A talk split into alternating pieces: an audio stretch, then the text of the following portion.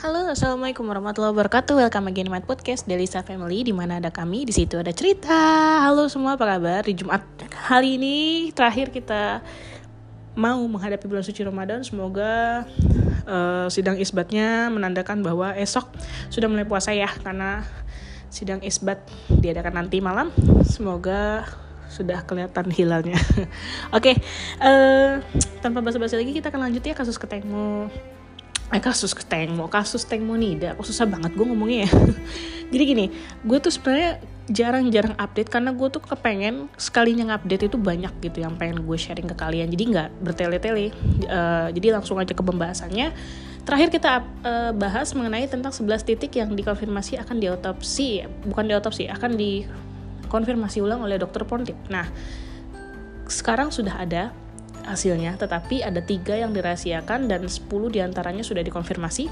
Uh, baik, sebelum gue ceritakan uh, apa hasil yang dikonfirmasi dan apa hasil yang uh, dirahasiakan, tentu uh, gue akan mendisklaimer dulu ini adalah sumber terpercaya dari Bangkok TV yang diliput di beberapa uh, akun di TikTok dan juga di YouTube yang memang sudah ada sumbernya dan memang legit banget. Jadi tenang aja. Jadi gue nggak asal ngomong alias gue nggak eh, nggak uh, ngarang ya. Jadi ini benar-benar sesuai dengan realitanya dari orang Indonesia yang tinggal di sana. Oke lanjut ke pembahasan. Jadi uh, sebelumnya dokter Ponti memang diminta oleh ibu Panida ibu dari almarhum Teng Monida yang meminta untuk diotopsi ulang atau diverifikasi lah ibaratnya. Nah, dokter Pontip menyetujui, tapi akhirnya ketika jalan di pertengahan tiba-tiba ibu Panina bilang harus berhenti sekarang juga saya tidak mau dokter Pontip itu melanjutkan uh, melanjutkan ini sampai selesai nah gue tuh bingungnya gini Bu Panida ini nih kalau nggak bikin ulah ya ulah tuh maksudnya nggak bikin drama kayaknya nggak afdol hidupnya. Beberapa drama yang dia bikin tuh sem se, se, se apa ya sebuat gue marah itu loh gitu. Jadi segila itu dramanya dari mulai dia marah-marah sama Katik tiba-tiba berubah drapa, apa jadi 180 derajat beda banget gitu. Ketika di hari pemakaman bahkan dia uh, seperti menenangkan Katik terus dia membuat uh, pengacara yang lamanya keluar alasannya katanya dia ada utang dan juga terlalu menyampuri urusan pribadinya. Lalu ada juga uh, drama kembali bahwa dia ingin mencairkan asuransi milik anaknya untuk si Esther karena katanya dia dia sempatnya baru sekarang. Pokoknya hal-hal yang sebenarnya ada ada adalah bumerang buat dirinya sendiri jika dia tuh tetap seperti itu gitu. Tapi ya mau gimana lagi demi uang 13M ya. Gue yakin sih duitnya kayaknya udah dikasih deh. Maksudnya dikasih dalam arti dikasih beberapanya dulu gitu. Dalam arti nih gue kasih nih segini dulu tapi lo tutup mulut ya. Maksudnya lo harus buat dokter Pontip itu nggak melanjutkan analisanya. Karena memang ini murni gue sih yakin banget 1000% ini murni kasus pembunuhan. Karena gini uh, di, di Thailand sana itu setiap apa yang dokter Pontip lakukan kan media pasti ngeliput media itu pasti ngeliput. Jadi apa yang dokter Pontip lakukan tuh media ngeliput. Beberapa kali media di Thailand sana me meliput dokter Pondip itu sedang mempraktekkan kejadian pada hari itu di mana Tengmo katanya luka di paha kanannya Tengmo itu berdasarkan uh, keterangan saksi itu karena speedboat yang uh, mengenai paha Tengmonida itu menurut gue sangat sangat sangat sangat tidak masuk akal. Karena jenis lukanya juga jenis baretan itu ya lurus banget tegak lurus gitu. Nah yang lucunya ketika diulang dengan apa kulit babi maupun dengan tulang babi sekalipun itu kan hampir sama dengan manusia katanya tetap tidak menunjukkan adanya tanda-tanda luka itu lurus melainkan lukanya tuh seperti ya tahu kan baling-baling kipas kayak gimana sih? Nah seperti itulah intinya lukanya tidak lurus. Begitu juga pada saat dokter Pontip uh, memfoto speedboat yang ada di uh, yang dipakai pada saat kejadian. Itu beberapa ada yang janggal lah. Dan ternyata uh, ada beberapa yang diverifikasi dan masih dirahasiakan. Gue yakin sih dirahasiakan dikarenakan memang Dr. Pontip menunggu cerita asli dari mereka yaitu Port dan Robert yang yang katanya akan memverifikasi bahwa Port dan Robert akan menceritakan semuanya katanya kejadian yang sebenarnya pada tanggal 5 April nanti setelah selesai menjadi biksu gue nggak tahu deh cerita apa tapi menurut gue ya kayaknya ini nggak masuk akal karena Port dan Robert itu kenapa nggak dari awal aja ceritanya kenapa harus menunggu sekarang sih setelah dokter Pontip tuh bergerak gitu nah Uh, pada waktu itu juga dokter Pontip sempat membuat status Facebook yang menyatakan bahwa dia tidak akan berhenti. Dia hanya melakukan kebaikan, dia hanya melakukan pekerjaan dan dia hanya ingin menjadi orang yang baik. Dalam tanda kutip, uh, badai uh, pokoknya mengenai badai pasti akan kamu terima intinya gitu. Gue nggak tahu ya itu buat siapa uh, tapi yang jelas itu sepertinya lebih ditujukan untuk ibu Panida ya karena seperti ini ya gue sih curiganya uh, ibu Panida itu sebenarnya udah tahu siapa sih dalam pelaku anaknya ini siapa gitu. Yang yang yang membunuh anaknya ini siapa sepertinya Bu Panida tahu. Cuman ya balik lagi ke duit karena duitnya sudah diterima, orangnya sudah minta maaf dan mengganti kerugian, akhirnya beliau sepertinya agak luluh dengan duit ya. Jadi akhirnya beliau menutup-nutupi itu dan sangat menutup-nutupi dan bahkan melalui pengacara barunya sendiri uh, beliau minta untuk tidak diumumkan hasil autopsi. Nah, kenapa sih kok diberhentiin list uh, dokter Pontip itu kenapa diberhentiin sih? Uh, oleh Bu Panida diminta berhenti gitu. Dikarenakan itu alasannya konyol sih. Jadi gini dokter Pontip itu bilang bahwa di baju renangnya Monida itu tidak ada sama sekali kandungan urin. Ya ini catatnya. Tidak ada sama sekali kandungan urin. Tapi ini tapi ya yang lucunya adalah Ibu Panida merasa bahwa area intim anaknya itu tidak boleh dipublikasikan ke halayak umum. Harus me, harus berdasarkan persetujuan dia. Lah nggak bisa dong. Itu kan yang namanya autopsi verifikasi autopsi atau memverifikasikan hasil autopsi ya memang harus seperti itu adanya. Yang ada di autopsi pertama diverifikasi lagi. Karena itu sepertinya kan kayak gitu kan. Tapi gue nggak tahu kenapa tiba-tiba dia kayak itu area intim anak saya tidak boleh diberitahu ke halayak. Dan mengenai alkohol di matanya itu juga tidak perlu. Karena dokter Pontip sendiri bilang bahwa ada kandungan alkohol sebesar 93 mg di area matanya Teng Monida yang berarti si Teng Monida itu dalam keadaan lemah atau sedang dalam keadaan mabuk. Dan ditambah lagi di kukunya Tengmo itu ada suatu uh, cairan, eh bukan cairan, ada petunjuk. Tapi itu dokter Pontip masih merahasiakannya. Jadi ada tiga yang dirahasiakan oleh dokter Pontip. Salah satunya adalah luka panjang di tubuh Tengmo Menida. Beliau bilangnya sih uh, luka itu masih ditindaklanjuti. Tapi sebenarnya mungkin beliau sudah tahu ya. Dari dari mana tahunya list dari kuku karena kuku itu sudah memberikan semua siapa aja nih yang yang deket sama Tengmo terakhir dan ada sisa-sisa apa aja sih di kulitnya kukunya Tengmo itu.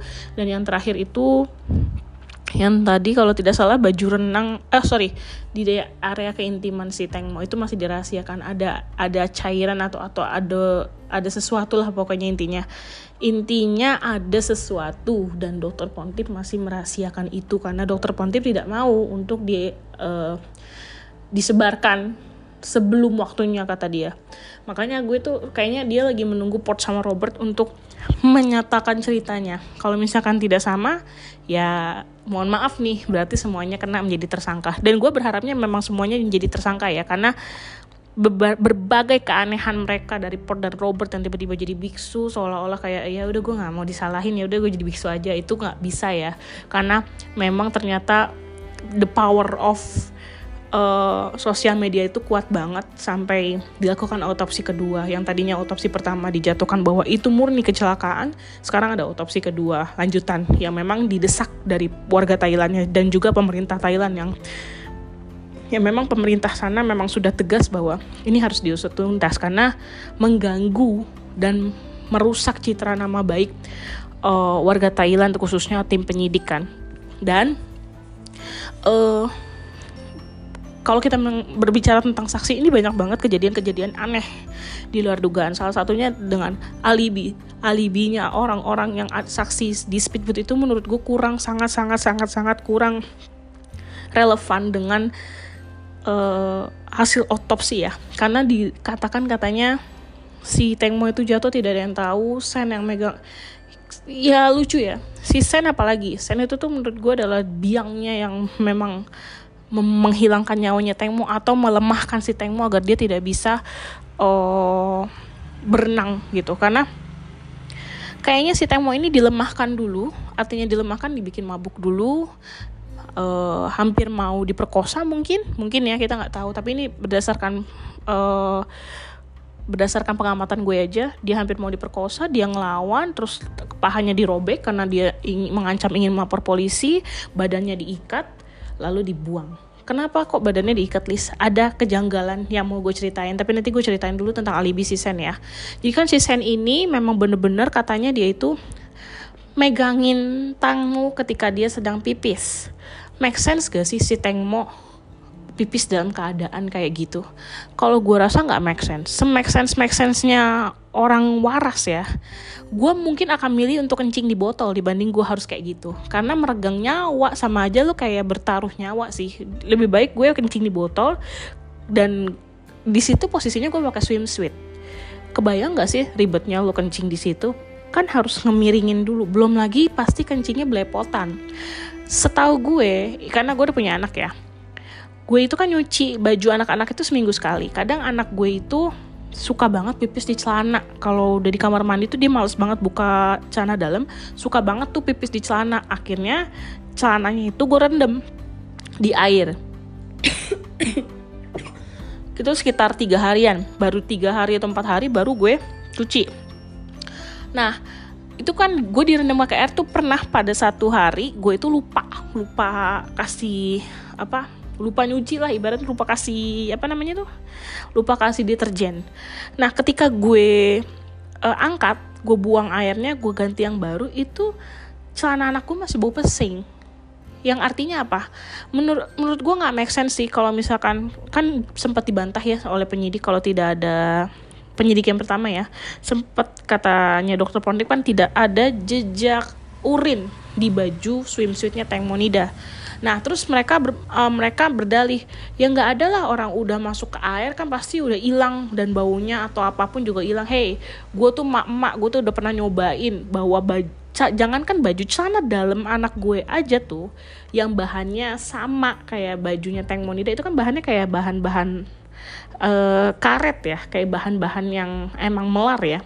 Itu ketik uh, bukan bahan kain biasa tapi bahan yang halus gitu. Gue tahu kok dan itu ketika dicuci gue cuci gue rendam gue pernah lupa. Satu waktu gue lupa gue buang airnya gue cium kainnya. Itu masih bau pesing. Jangan kan dicium itu pas ketika gue dari jauh aja tuh udah kecium.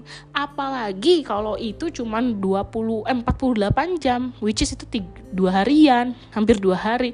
Kayaknya itu nggak make sense deh. Itu gue tiga hari loh. Maksud gue gue pernah ngalamin itu. Makanya gue kayak nggak nggak nggak ini nggak mungkin. Ini pasti bau pesingnya masih ada.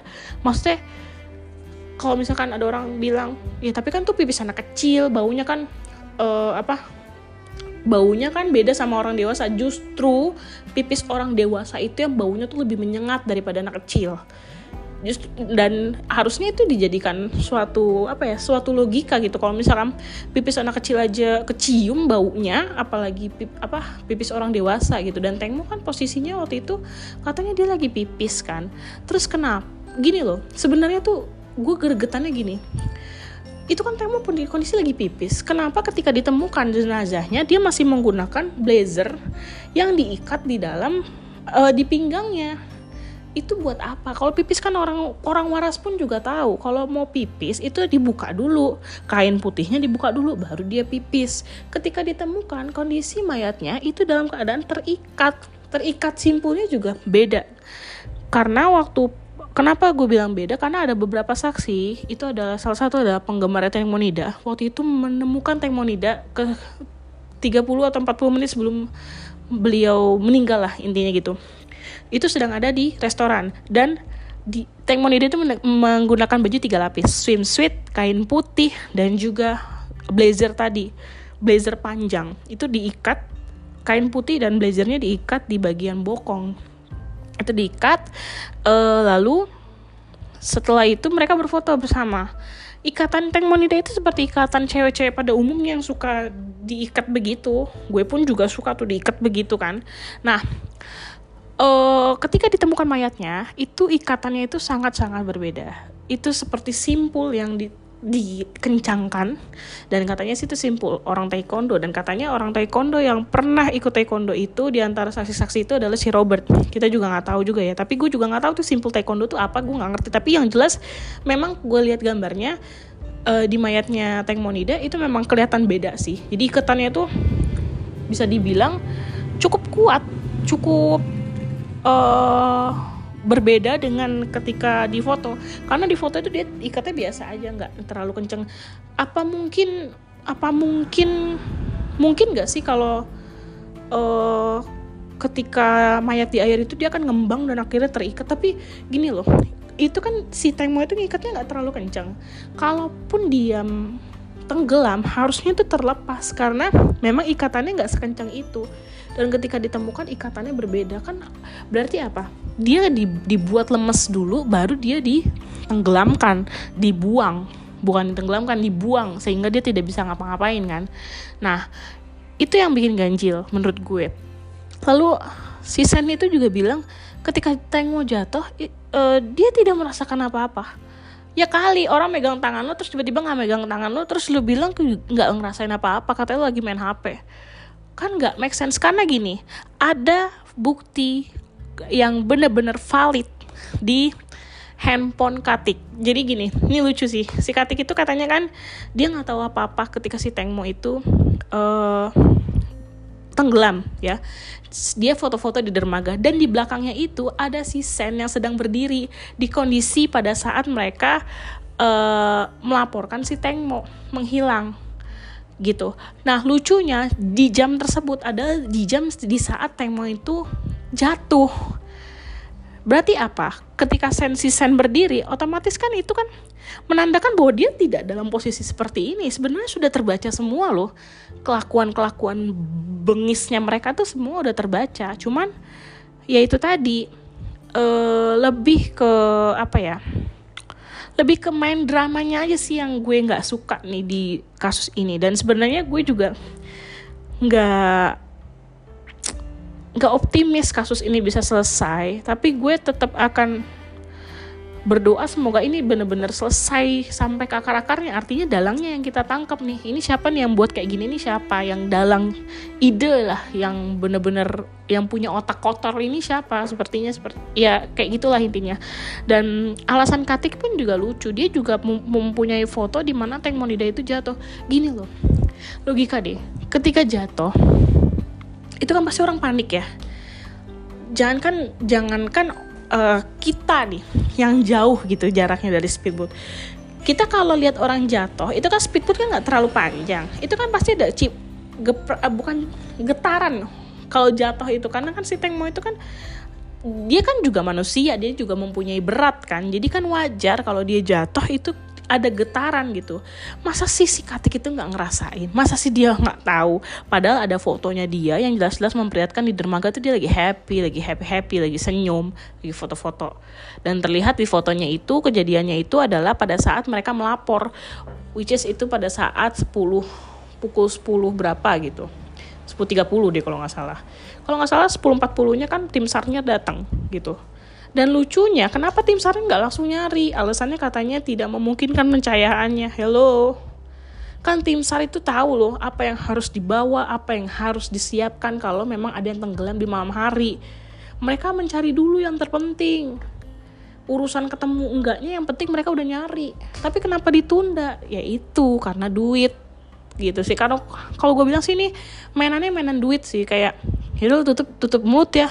Nih ini gue gini gini gini lo gini giniin ya buktinya tuh pada saat mereka itu ditanya di sebelah mana si tank mau jatuh itu arahnya berbeda-beda. Belum lagi luka cakaran yang ada pada tubuh mereka semua itu masih kemerahan. Yang menandakan bahwa lukanya masih baru seperti yang gue ceritain di episode sebelumnya ya. Nah itu. Lalu si kan ada lima ya. Port Robert Saint Job dan Katik. Si Job ke mana si Jeff sudah dimintai keterangan.